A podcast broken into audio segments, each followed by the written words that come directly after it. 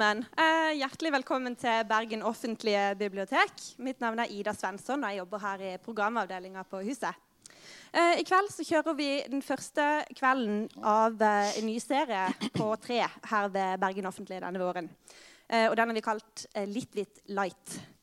I løpet av tre kvelder så skal vi innom litteraturforskning, kritisk teori, litteraturhistorie. Eh, kanskje klarer vi å høyne vår egen lesekompetanse og lesekunst gjennom eh, nye impulser som vi får i løpet av disse foredragene. Eh, Førstemann ut det er eh, Erik Berg Hagen. Eh, virkelig nestor innen feltet. Eh, professor i allmenn litteraturvitenskap ved Universitetet i Bergen, der han har undervist i mange år. Han har skrevet flere fagbøker, bl.a. Selveste 'Hva er litteraturvitenskap?' Eh, også bøker om eh, Ibsen, Bjørnson, norsk kanon og eh, litteraturkritikk, for å nevne noe. I kveld skal han snakke om eh, lesegledens plass i forskningen. Ta vel imot han med en applaus.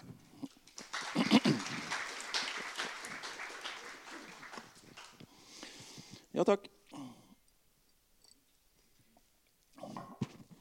Min tittel, egentlig, den, den nye tittel, revidert tittel, ble 'Den glade litteraturvitenskap'. Eh, Man skulle tro at det, dette ikke utgjorde noe stort problem.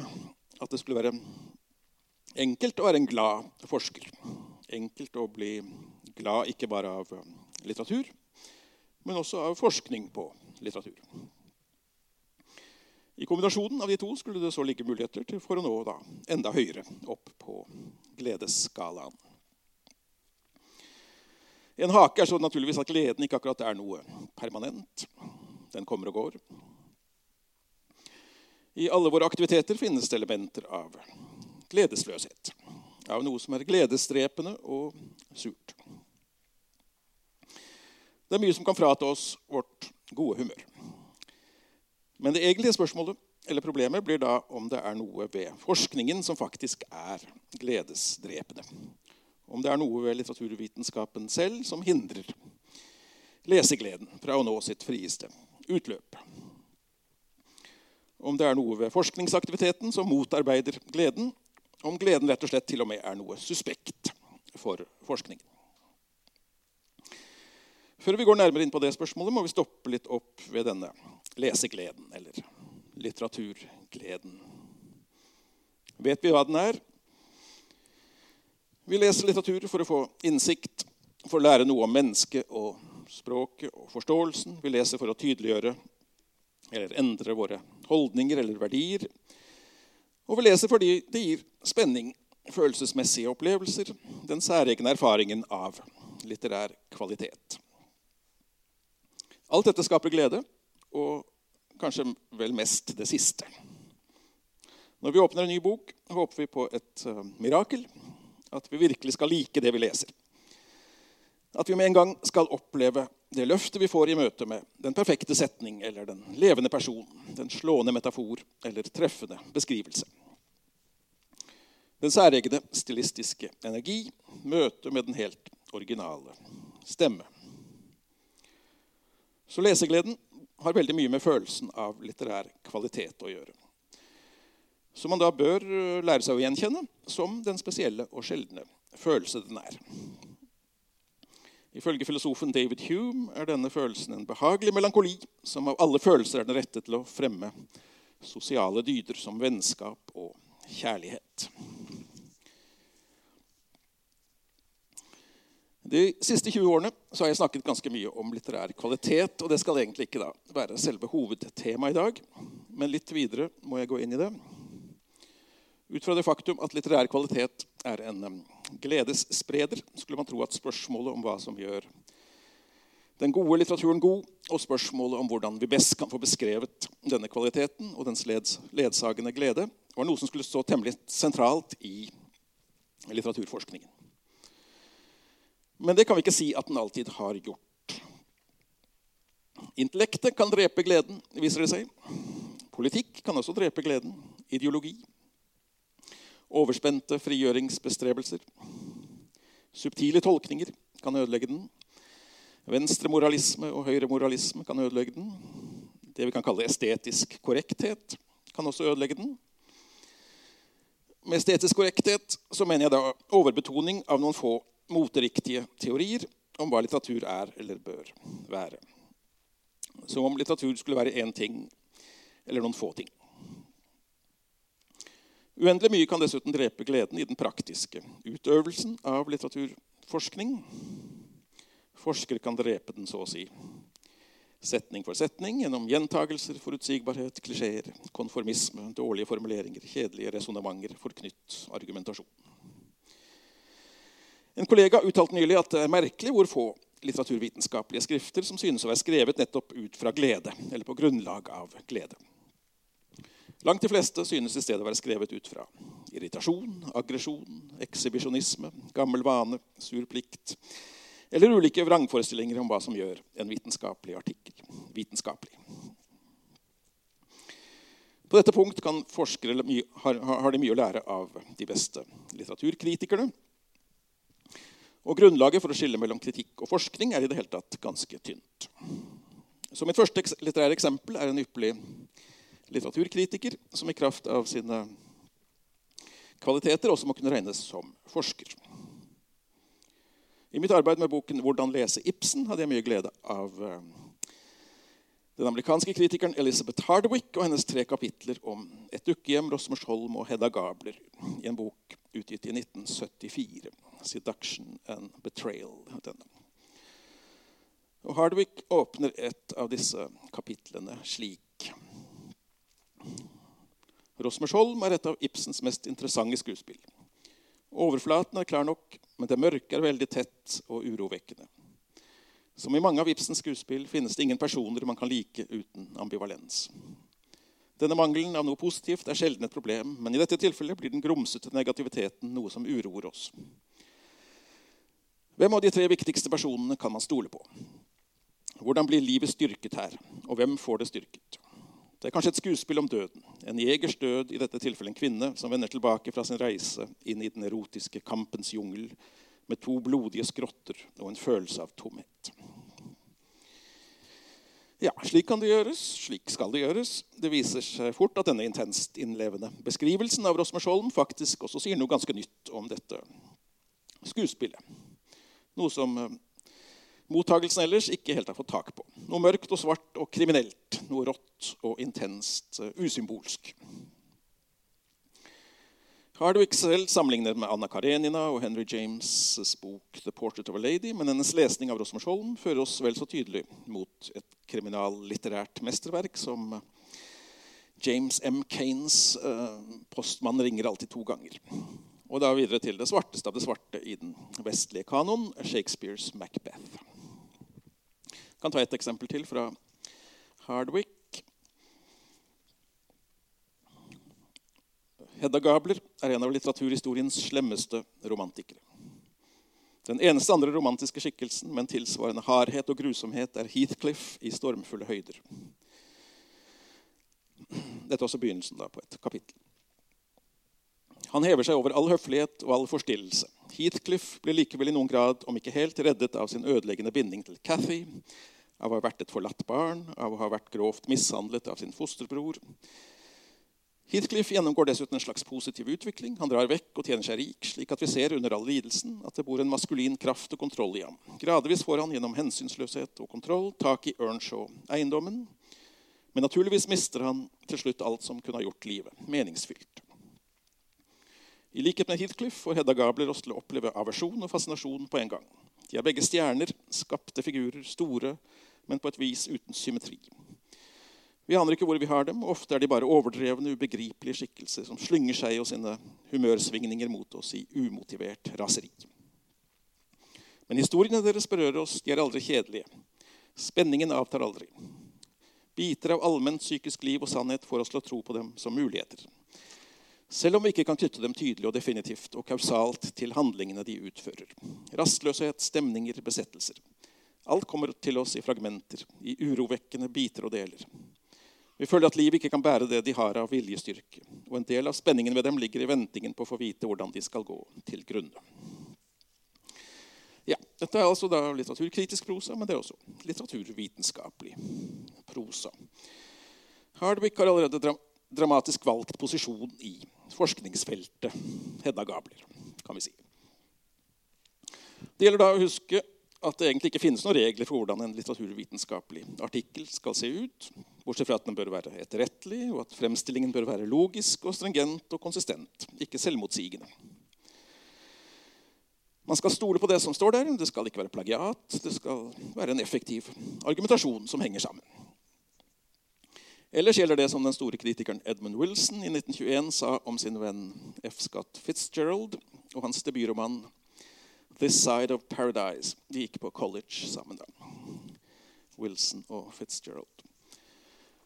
Og i denne anmeldelsen skriver Wilson Fitzgerald er blitt gitt en fantasi uten å ha intellektuell kontroll over den. Han er blitt gitt et begjær etter skjønnhet uten å ha noe estetisk ideal. Og han er blitt gitt et talent for å uttrykke seg uten mange ideer å uttrykke. This Side of Paradise begår nesten alle synder det er mulig for en roman å begå. Men den begår ikke den ene utlivelige synd. Den unnlater ikke å leve. Så der har vi det. Litteraturforskningsprosaen unnlater for ofte å leve. Men hvorfor det? Hvorfor skriver ikke flere forskere noe som ligner på det Wilson og Hardwick skriver? Et svar er at det ikke er så lett. Et annet svar er at det ikke alltid blir fremhevet som et ideal. Selv hadde jeg det vi kan kalle min faglige oppvekst på slutten av 80-tallet og begynnelsen av 90-tallet. Det er mye godt å si om denne perioden, men spørsmålet om kvalitet sto ikke i sentrum. Jeg kan ikke huske at noen av mine lærere egentlig sa om et dikt eller en roman hva er det som gjør dette godt? Hvordan liker vi det? Hva vil det si å like litteratur? Man var i stedet opptatt av fortolkning, av litteratur og samfunn og av såkalt litteraritet. Hva er det som gjør litteraturen til litteratur? Og Dette siste spørsmålet ble besvart ved hjelp av tidens teorier. Og Svarene ble til ord som dekonstruksjon, ironi, apori, kompleksitet, polyfoni og andre slike abstraksjoner, alle uten spesiell følelsesmessig fylde eller sterk gledesbetoning. Vi må likevel si om denne tiden at selve den litteraturteoretiske innovasjonen skapte atskillig glede. Og det må heller, heller ikke da undervurderes. Dekonstruksjonens glanstid i årene rundt 1990 var en brytningstid der nye og fremmede og dype innsikter syntes å ligge like utenfor rekkevidde, eller til og med like innenfor.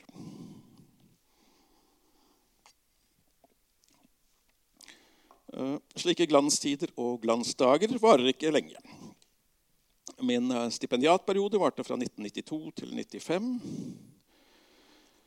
Og Da var jeg blitt mest opptatt av det jeg kalte litteraturens motstand mot dekonstruksjon, som da virket som en mye mer innovativ problemstilling. Dekonstruksjonen hadde stivnet og var blitt til vane og maner og sjelsødeleggende repetisjon. Mitt forhold til litterær kvalitet og den tilhørende litterære glede eller, eller lykke var imidlertid fortsatt ganske fraværende. Eller iallfall underkommunisert. Den virkelige oppvåkningen skjedde først høsten 1996, da jeg begynte å skrive en artikkel om Dag Solstads nettopp utkomne roman 'Professor Andersens natt'.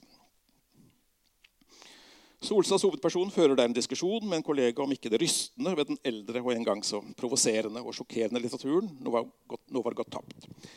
Slik at alt vi satt igjen med, var det han kalte en stille glede. Jeg tenkte at denne påstanden ville være verdt å undersøke nærmere og, og skrive en artikkel om. Som kanskje da også kunne bli en tolkning av hele romanen. På et eller annet punkt i dette arbeidet ble jeg så ledet til å spørre meg selv men hva er da litterær glede og litterær ystelse. Litterær opplevelse. Litterær kvalitet. Og Svaret jeg måtte gi, var i seg selv en liten opplevelse. Svaret var, og nå siterer jeg meg selv faktisk da For uh, hva blir det? 20, 20 år siden. Uh, hvis vi skal besvare disse spørsmålene om kvalitet, kommer vi ikke utenom det usikre og skjøre eksperimentet som går under navnet introspeksjon. Der og da føltes dette som, drist, som den dristigste setningen noensinne hadde skrevet. Aldri i mitt universitetsliv hadde noen bedt meg om å bedrive introspeksjon. Var det i det hele tatt mulig å stirre inn i seg selv? Hva har vi et selv? Det siste spørsmålet var ikke ubetimelig etter at vi allerede i mange år hadde levd, opp, levd eh, oss gjennom eh, dekonstruksjonens og poststrukturalismens æra. Men den dypt subjektive siden ved all kvalitetsvurdering fantes jo samtidig der ute, i estetikkens historie. Til og med i den sentrum på 1700-tallet, hos David Hume og Edmund Burke. Immanuel Kant, de aller største autoriteter. Så det skulle ikke være så mye å være redd for. Det var bare å gå i gang med denne introspeksjonen og spørre seg selv liker jeg faktisk dette. Hva føler jeg nå? Hvordan liker jeg dette? Ingen litterær dom er mulig uten at vi kjenner oss selv som nettopp litterære selv, som besittere av en litterær følelse. Som bærere av et indre termometer som forteller oss når noe er litterært kaldt eller varmt eller i nærheten av null. Denne interessen for, for, kvalitet førte raskt til en interesse for litteraturens det vi kan kalle litteraturens fulle liv og miljø.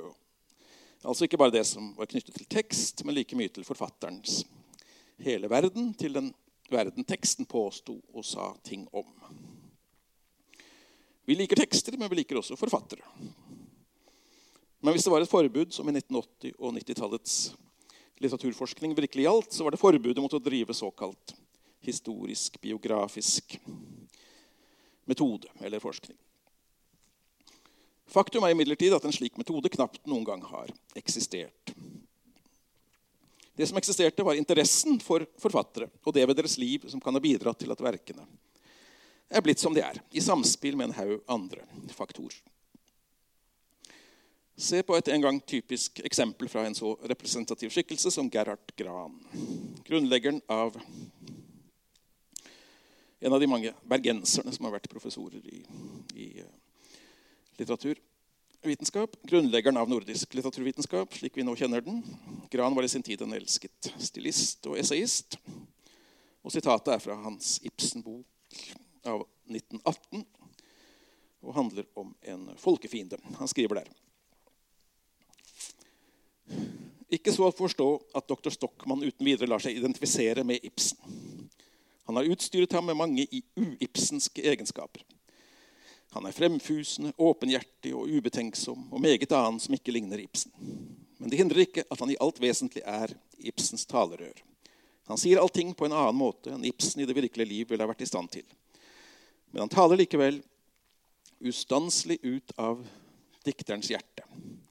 Han ga sin helt Bjørnsons stemme for at hans ord skulle nå så meget lengre og utstyret ham med noe av Jonas Lies naive elskverdighet for å gjøre ham mer inntagende og bestikkende. Men ordene er Ibsens egne. Mange ting er å si om et slikt avsnitt fra 1918. da. For det første er det nyansert og udogmatisk. Gran lar Ibsens personlighet kaste lys over en folkefiende i den grad han finner det rimelig. For det andre blir dette naturligvis en tolkning av hvordan vi skal vurdere og forstå dr. Stockmann, og dermed hele en folkefiende. Og En slik tolkning er åpen for nyansert og udogmatisk diskusjon og debatt. For det tredje er det, slik, er et slikt avsnitt opplysende om, Ibsens, om Ibsen så vel som Bjørnson og Lie. For det fjerde er det skrevet slik at det bringer glede. Det man ikke kan si om et slikt avsnitt, er at det konstituerer en gitt metode, en historisk, biografisk metode. Forfatteren er med i bildet så lenge det fungerer, ellers ikke. Hvorfor skal vi nekte oss en slik eh, glede? Det er ikke noe mindre vitenskapelig grunn til å trekke en forbindelseslinje mellom et punkt i teksten og et punkt i Ibsens person og Ibsens liv enn det er å trekke en forbindelseslinje mellom to punkter i teksten. Begge deler forutsetter leserens aktive kraft og fantasi. Begge deler er like diskutabelt, like dristig, like beheftet med usikkerhet. Jeg illustrerer dette såkalte heteronomipoenget med mitt yndlingssitat fra den ofte veltalende litteraturforskeren og bergenseren Daniel Haakonsen, som ikke hadde mye til overs for de historiserende og biografiserende forskerne. I 1961 karakteriserte han disse meningsmotstanderne i, det, i den litteraturteoretiske debatten på følgende helt uttreffende måte. Haakonsen, altså. Disse forskerne. Altså Man legger arbeidet an som om der intet virkelig skille går mellom diktningen og den ytre virkelighet den henter sitt råstoff fra. Eller i hvert fall som om grensen mellom diktning og omkring omliggende virkelighet er så vidt flytende og utvisket eller kan tas så lite høytidelig at man slipper over uten dikkedarer av noen art. Billedlig talt er det en grense uten passkontroll og uten innveksling av medbrakt valuta. Alle veier står åpne. En nær sagt endeløs rekke kombinasjoner er mulig. Uten tvang og uten noe som smaker av dogmatisme.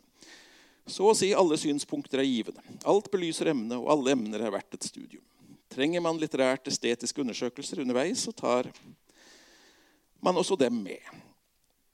De stanser ikke tankens arbeid og videre vandring.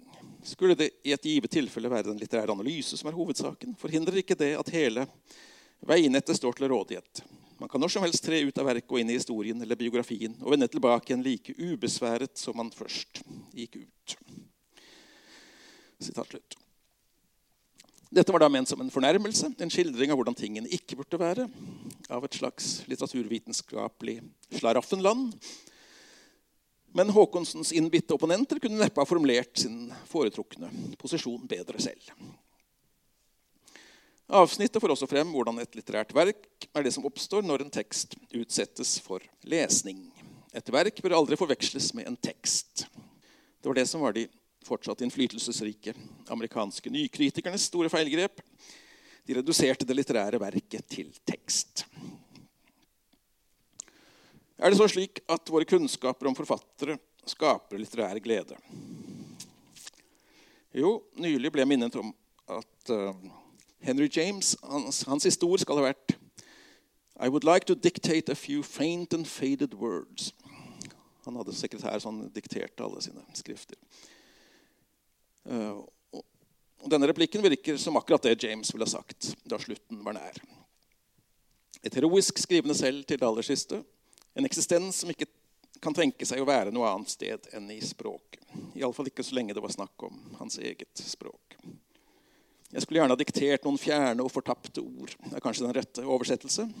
Eller jeg skulle gjerne ha diktert noen bleke og bortkomne ord. Noe i den tur. Bokstavrimet må iallfall være med. Ordene økte, tenkte jeg da jeg hørte dem, uansett min lojalitet til forfatteren Henry James. Verket Henry James. Mennesket James. Men hvordan klarer litteraturforskningen å bli så kjedelig? En første gledesdrepende dødslinje kan vi kalle overvurderingen av fortolkning og analyse. Litteraturforskere lider ofte av den vrangforestilling at en fortolkning må være så avansert og subtil og kompleks som overhodet mulig. Da glemmer man én viktig ting. Hvor mange litterære tolkninger har egentlig gått inn som klassikere i sjangeren? Svært få, tror jeg vi må innrømme.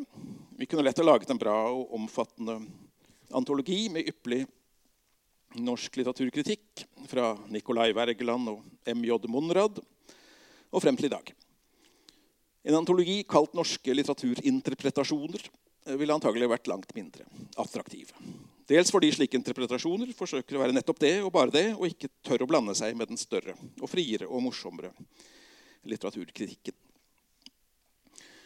Det viser seg også at det, faktisk, at det som faktisk finnes av interessante, av interessante tolkningsstridigheter, sjelden gjelder spissfindigheter.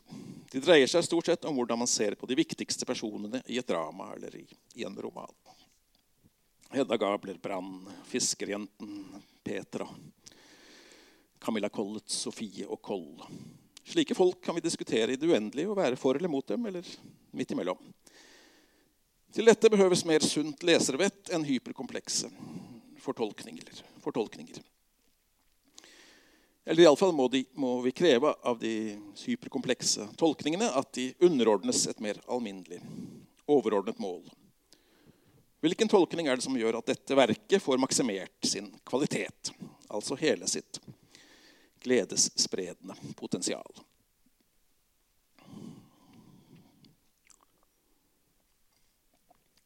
En annen dårlig litteraturvitenskapelig tradisjon har som tidligere antydet, vært jakten på det litterære som sådan. På litterariteten, som det gjerne kalles.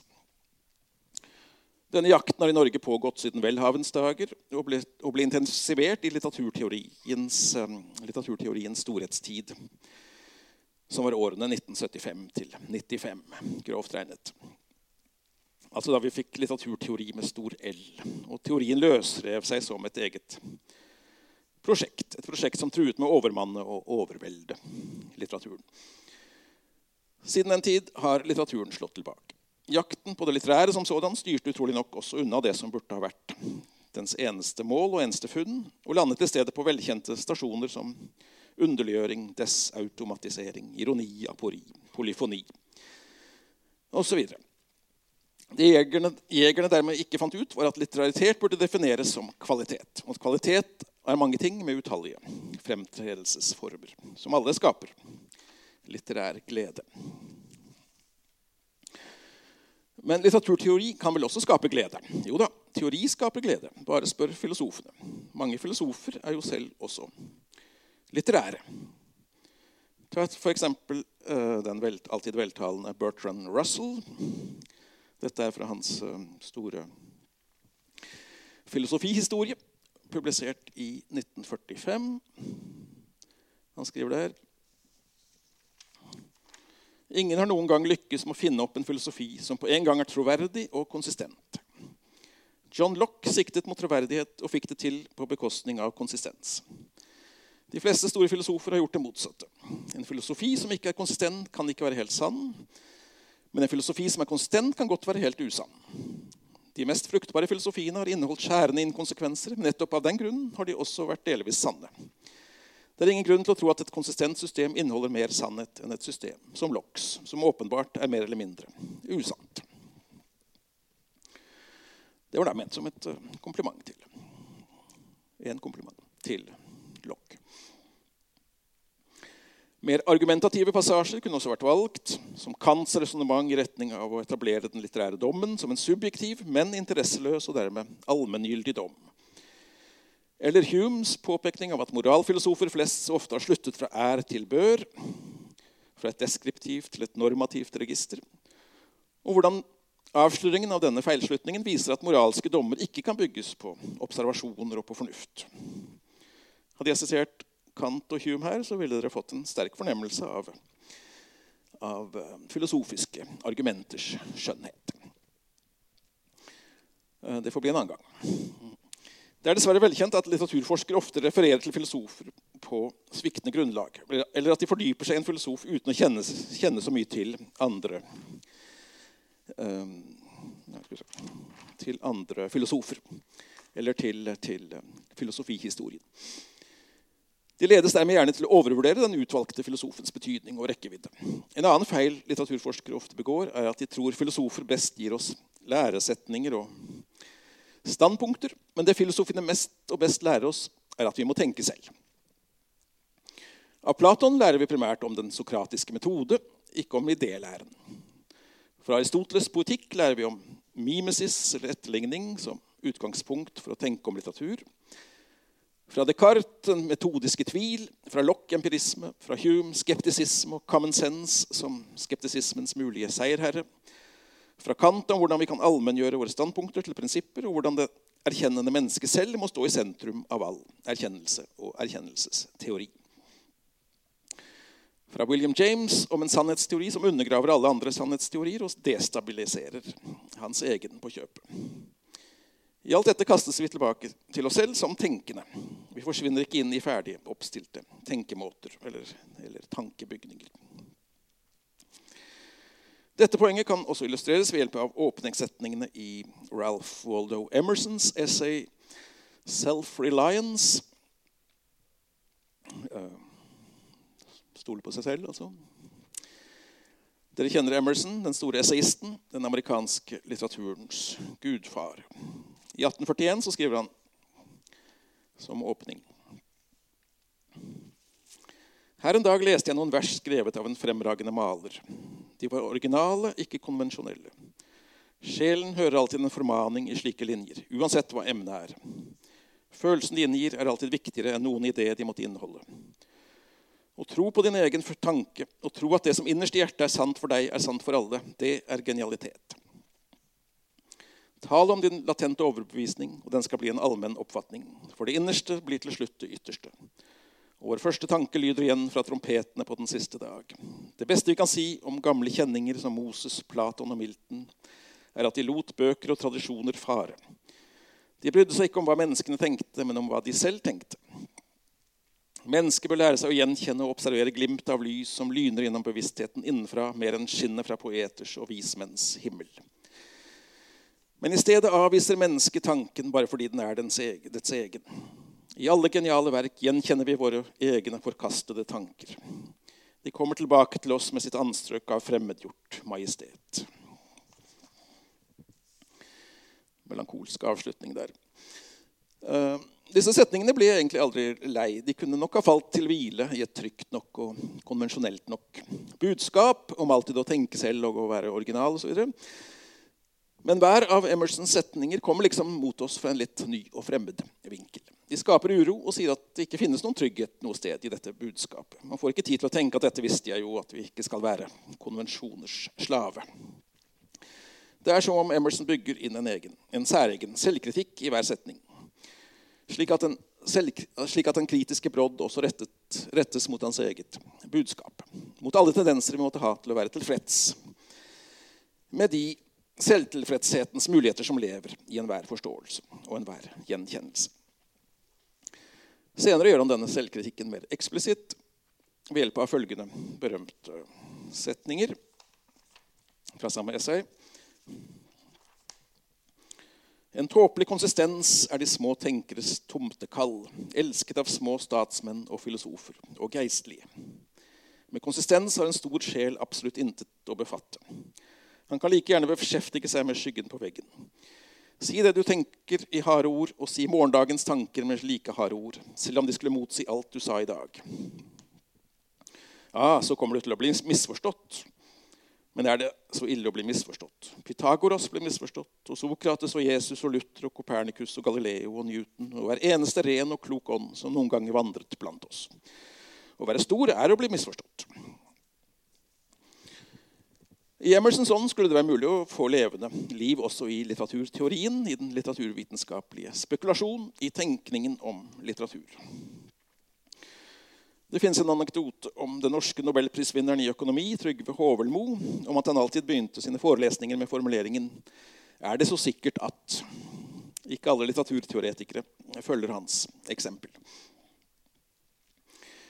Så litteraturteoretisering kan gi glede dersom den er genuin tenkning. Og litteraturen selv gir jo glede, iallfall når den er god. Og tolkninger gir glede når de ikke forsvinner inn i spissfindigheter. Og litteraturhistorieskrivingen kan gi glede. Skjønt dette siste skulle man nå nesten ikke tro. Er det ikke litteraturhistorien og dens kategorier som nettopp mest er med på å drepe interessen for litteratur? Et godt stykke ned i utdanningssystemet. Kan det komme ekte lystfølelser ut av begreper som realisme, romantikk, modernisme, naturalisme, nyromantikk og uh, nyrealisme. Dette er vage og likevel liksom autoritære og fasitmettede ord som synes å ville styre og ordne og kontrollere hvordan vi skal lese de enkelte verk, de enkelte forfattere.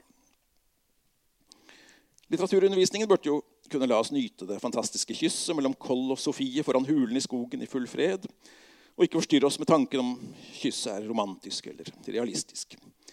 Hvem bryr seg egentlig om de litteraturhistoriske kategorier når det grosserer Kjelde, truer advokat Berent på livet med en, en skjelvende finger på avtrekkeren? Eller når Johan Nilsen Nagel redder minutten fra hans plageånd fullmektigen en formiddag i saloonen i Grimstad? Eller når Åsmund Olavsson Vinje om kvelden i Rondane stanser og ser og lytter så kom jeg fram på en bakke og så det lyste ned i dalen fra den åpne seterdøren. Og så hørte jeg bjøller og lokking. Det veit ingen hva folk og hus er, fyr han hever Gjenget så i fjøllet, og det kveldar. Unnskyld dårlig nynorsk der. Uh, jo, altså Litteraturhistorieskrivingen kan sikkert ødelegge mange gleder. Og den har da heller ikke hatt så høy status i litteraturvitenskapen de siste 50 årene. Men ikke desto mindre vil jeg påstå at den, at den, nettopp, er, at den nettopp er blant de morsomste og, og, mest krevende aktiviteter en litteraturforsker kan gi seg i kast med. Ser man fenomenet litt nøyere etter i sømmene, blir det iallfall klart at det ingen enighet er om hva begreper som realisme, romantikk og modernisme faktisk betyr. Heller ikke hvis vi innskrenker disse begrepene til å bare handle om norsk litteratur i perioden 1830 til 1940 eller så. Det er tvert imot et um, sant kaos der ute. Og alle bruker begrepene ikke bare på hver sin måte, men også i hytt og vær. Redskapene som brukes til å ordne litteraturhistorien med, er selv i fullstendig og radikal uorden. Selv om mange later som om vi alle innerst inne vet hva, hva disse ordene betyr. Og iallfall som om vi blir enige dersom vi bare får tenkt oss litt om. Jo, da alle vet at det finnes minst 20 eller 40 eller til og med 11 000 har jeg lest betydninger av, som, av, et, ord som romantikk. Men vi later likevel som om dette er noe vi har en viss kontroll på. Men det har vi ikke. Norsk litteraturhistorie, slik den fremstår i 2018, har tvert imot undertrykt og glemt og misoppfattet noen av de mest interessante betydningene og meningsbrytningene omkring disse begrepene. Det er nå fullt mulig å skrive litteraturhistorien helt annerledes enn den vanlige måten, selv om vi beholder begrepene romantikk, realisme og modernisme som sentrale og nødvendige. Noe annet er det med begreper som poetisk realisme, naturalisme, nyromantikk og nyrealisme. De kan, godt, de kan godt eh, rykkes opp med roten for min del. Men dette betyr ikke at slik uh, nyskriving nødvendigvis er lett. Den siste som virkelig forsøkte, var vel Asbjørn Aarseth, som tidlig på 1980-tallet i bøkene 'Realismen som myte' og 'Romantikken som konstruksjon' Aarseth ville ha bort realismebegrepet fordi han mente at det var blitt et håpløst inflatert honnørord, og fordi det ga inntrykk av at litteraturen beskriver virkeligheten på en uproblematisk eller, eller naiv eller for direkte måte. Til gjengjeld utvidet han romantikkbegrepet til å gjelde hele perioden fra 1820 til 1914. Og delte dette heller inn i ulike underavdelinger. Syv i tallet. Sentimentalromantikk, universalromantikk, vitalromantikk, nasjonalromantikk, liberalromantikk, sosialromantikk og regionalromantikk. Tanken var at alle periodens forfattere kunne analyseres med en kombinasjon av slike begreper. Samtidig som altså realismen ble fjernet fra den litteraturhistoriske periodiseringens vokabular, som man formulerte det. Problemene med dette revisjonsforsøket var, var imidlertid ikke så få. For det første var ikke oppgjøret med realismebegrepets teoretiske naivitet så overbevisende. For det andre ble de ulike romantikkbegrepene plassert ganske pent og pyntelig etter hverandre, slik at de til forveksling lignet gamle og velkjente begreper. Den gamle realismen ble til liberal romantikk, den gamle naturalismen til sosial romantikk, Den gamle nyromantikken ble til vital romantikk osv. For det tredje analyserte Aarseth aldri hvordan begrepene skulle kunne komme til anvendelse i forbindelse med 1800-tallets store forfattere som Ibsen, Bjørnson, Vinje, Collett, Wergeland, Welhaven. Lite ble altså egentlig vunnet, og lite ble også da endret.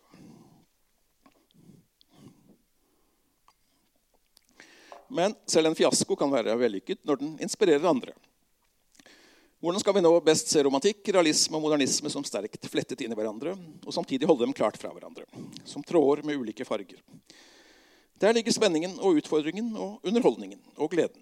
Orden og systematikk, også av den litteraturhistoriske typen, er gledesskapende fenomener så snart de da ikke stivner til et system man begynner å ta for gitt. Øyeblikket da brikkene faller på plass, er alltid stort. Men å betrakte brikkene ligge der på hver sin pyntelige plass blir raskt mer enerverende. I årene fremover må vi regne med at litteraturhistorien blir skrevet på nye måter. nye kreative måter. Det kommer til å volde litt rabalder, men fred er jo ikke det beste. Som Bjørnson sa i, dypt, i sitt dypt emersonske dikt 'Jeg velger meg april' som bryter ned og feier vekk og vil ha noe mer og noe nytt. Dere kjenner det? Jeg velger meg april fordi den stormer feier, fordi den smiler smelter, fordi den evner eier, fordi den krefter velter, i den blir sommeren til. Der fikk vennlig den rene litteraturen selv også med. Diktningen. Vi må avslutte med den. Ikke med Bjørnson, men med en av de nyere F.eks. en kort tekst av Inghild Johansen, hentet fra hennes siste bok 'Bungalow'. Denne korte teksten heter 'Negler'. tar og leser hele den. Ganske kort. Ja, Hennes siste bok fra 2016. Å file negler gir meg dårlig samvittighet. Jeg kan si akkurat hvor det stammer fra. Det er fra franskboka vi hadde da vi gikk på gymnaset. Du vet en sånn lærebok full av utdrag. De har nevnt det for, vet med en gang hvilken roman utdraget har vært hentet fra. Scenen der den kvinnelige hovedpersonen sitter og filer negler med gardinene trukket for, er visstnok kjent. Det var læreren som klarte hva scenen betydde. Neglefilingen viste, at hovedpersonen bare brydde seg om seg selv. At gardinene var trukket for, var et tegn på at hun lukket seg inne. Noe sånt hadde aldri falt meg inn. At en så enkel scene virkelig kunne bety så mye. Jeg begynte å se meg om med undring. Kan hende, kan hende hadde jeg ikke forstått noe. Kan hende betydde alt noe annet enn det jeg hadde trodd. Så sterkt inntrykk gjorde det at selv nå, mange år senere, får det, får det å file negler meg til å se meg selv utenfra, som en slags karakter. Se, der sitter hun og filer negler, enda det er høylys dag. Selv om gardinen ikke er trukket for, og jeg kan se ut av vinduet på sjøen og de blå åsene over på den andre siden, gjør det meg likevel utilpass og får meg til å tenke på om det er sant, og om jeg ikke egentlig burde gjøre noe annet enn det jeg til enhver tid gjør. Plassere meg selv et annet sted i historiene, og ikke midt i som en stor figur som alt annet kretser rundt. Det er jo akkurat sånn barn tegner. En stor sirkel som er dem selv, med to streker til armer som er strukket rett ut. Denne figuren overskygger alt. Huset de står foran, de andre sirklene, en mor, en far. Til og med trærne greier de på en eller annen måte å få til å se ut som noe som, noe som bare rekker dem til knærne. Men for et barn dreier det seg om en periode, et steg på veien. tenker jeg. For meg derimot dreier det seg om å gjengi noe, det jeg føler at jeg er. En stor figur ute på en hvit flate. Mye kunne vært sagt om dette og boken teksten kommer fra, og sammenhengen den inngår i. Men blant mye annet er jo dette et portrett ikke bare av forfatteren, men også av litteraturforskeren. Fire faser i en litteraturforskers liv og erkjennelse. I første fase sitter hun der innhegnet med sin navlebeskuelse eller flisespikking eller neglefiling. I andre fase ser hun skjulte betydninger ved høylys dag og lar aldri tingene også bare få være seg selv i all deres enkelhet. I tredje fase kommer ubehaget og oppvåkningen. Er det slik jeg er? Kunne jeg ikke gjort og vært noe annet? Hun ser seg selv utenfra. Hun ser at alt kunne vært annerledes. I fjerde fase kommer hun til at hun likevel må fortsette sitt prosjekt. Men underveis er det blitt til et prosjekt og en skrivemåte som er annerledes enn den ubevisste neglefeelingen. Den nye skrivemåten, slik Ingel Johansen da presenterer den, er en minimalistisk, reduksjonistisk skrivemåte som alltid begynner med en primitiv tegning av det skrivende cellet midt på arket. Todimensjonal og overdimensjonert. En stor figur ute på en hvit flate. Selv og skriften er begge slike figurer på en stor, hvit flate. kan vi si. Hos Johansen skiller de sjelden lag. Når man leser henne, tenker man ikke at skriften har overtaket på selve, slik at det bare blir litterær maner eller lek. Og man tenker heller ikke omvendt. Alle hennes tekster er typisk eksistensielle med et sterkt jeg-nærvær. Men de er også intenst skrevet. Noen av, tekst, noen, av tekstene, øh, noen, av tekstene, er paniske og innestengte. Noen er kjølige, kjølige og halvkynisk galgenhumoristiske. Noen nærmer seg det surrealistiske. Noen handler om å komme seg møysommelig og alvorlig fri fra noe. Mot slutten av Bungalow blir det eksistensiell endring for alvor et hovedmotiv. I tekster som 'Dørene lukkes' og 'Bertha'. Vi har beveget oss ut av huset, som dominerer så mye av denne boken, og er i stedet på toget og togstasjonen. I teksten Bertha, Bertha, som avslutter bungalow, blir jeg-personen utsatt for to personforvekslinger i rask rekkefølge. Først på toget, deretter på stasjonen. Og Boken munner da ut i følgende innsikt og følgende setninger. I dagene etterpå har jeg ikke kunnet la være å tenke på det hun sa. At jeg var i ferd med å bli en annen. Jeg vet bare ikke hvem. Det er det som gjør meg så utydelig. Jeg kan gå på et hvilket som helst tog og bli hvem som helst. Når man til slutt i boken kommer til disse setningene, tenker man ikke at de er, litt, at, at, at de er et litt um, desperat uttrykk for at jeg mister taket på seg selv eller blir utydelig for seg selv på en dårligere måte enn før. Tidligere i boken har hun skrevet at hun har tenkt på sitt hus som en beskyttelse, og at uten dette, denne beskyttelsen ville kroppen min bare sige utover i terrenget som en slags løs deig. Men hun innser allerede da at, at det er feil. Det er i stedet huset som trenger henne for å holde seg på plass. Selv om det også holder henne tilbake. Den avsluttende utydeligheten hun opplever i bokens siste setninger, er heller ikke noe, noe som euforisk lover at total forandring og fornyelse nå er mulig. Som om et definitivt gjennombrudd har funnet sted. Mer moderat fremstår utydeligheten som enda en av disse forsøksvise reduserte tilstandene boken er så full av. Reduksjoner der det, mulig, der det mulig nye faktisk endelig kan fremtre for selve, på linje med det som blåser og stenger og binder. Og binder. Disse avsluttende setningene gjør et sterkt inntrykk fordi de ikke er lettkjøpte, men forutsetter all den kynisme, pessimisme, resignasjon, svarte humor og innestengthet som har gått forut for dem. Og som de ulike tekstene bare antydningsvis og i glimt av slipper unna.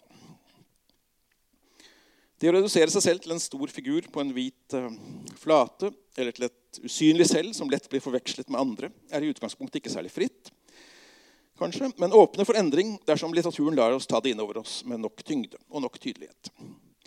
Det er også kanskje en bevegelse fra det første bildet til det andre. Å se seg selv som en stor figur på en hvit flate er tross alt noe statisk.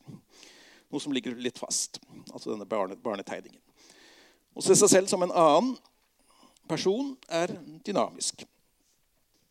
Eh, på et eller annet tidspunkt glir tingene alltid bort fra seg selv og over i noe annet, heter det på slutten av bokens nest siste tekst. Og Det er det som skjer da i den avsluttende forvekslingsteksten. Jeg er ikke lenger jeg, ikke engang en stor figur på en hvit plate, men potensielt en helt annen. Også i slike bevegelser ser vi gleden som ligger i Johansens prosa. I det, minste da, dens, dens uh, mørke glede, kan vi si. Ja, Så da slutter vi der med gleden i litteraturen i den nye norske litteraturen. Takk.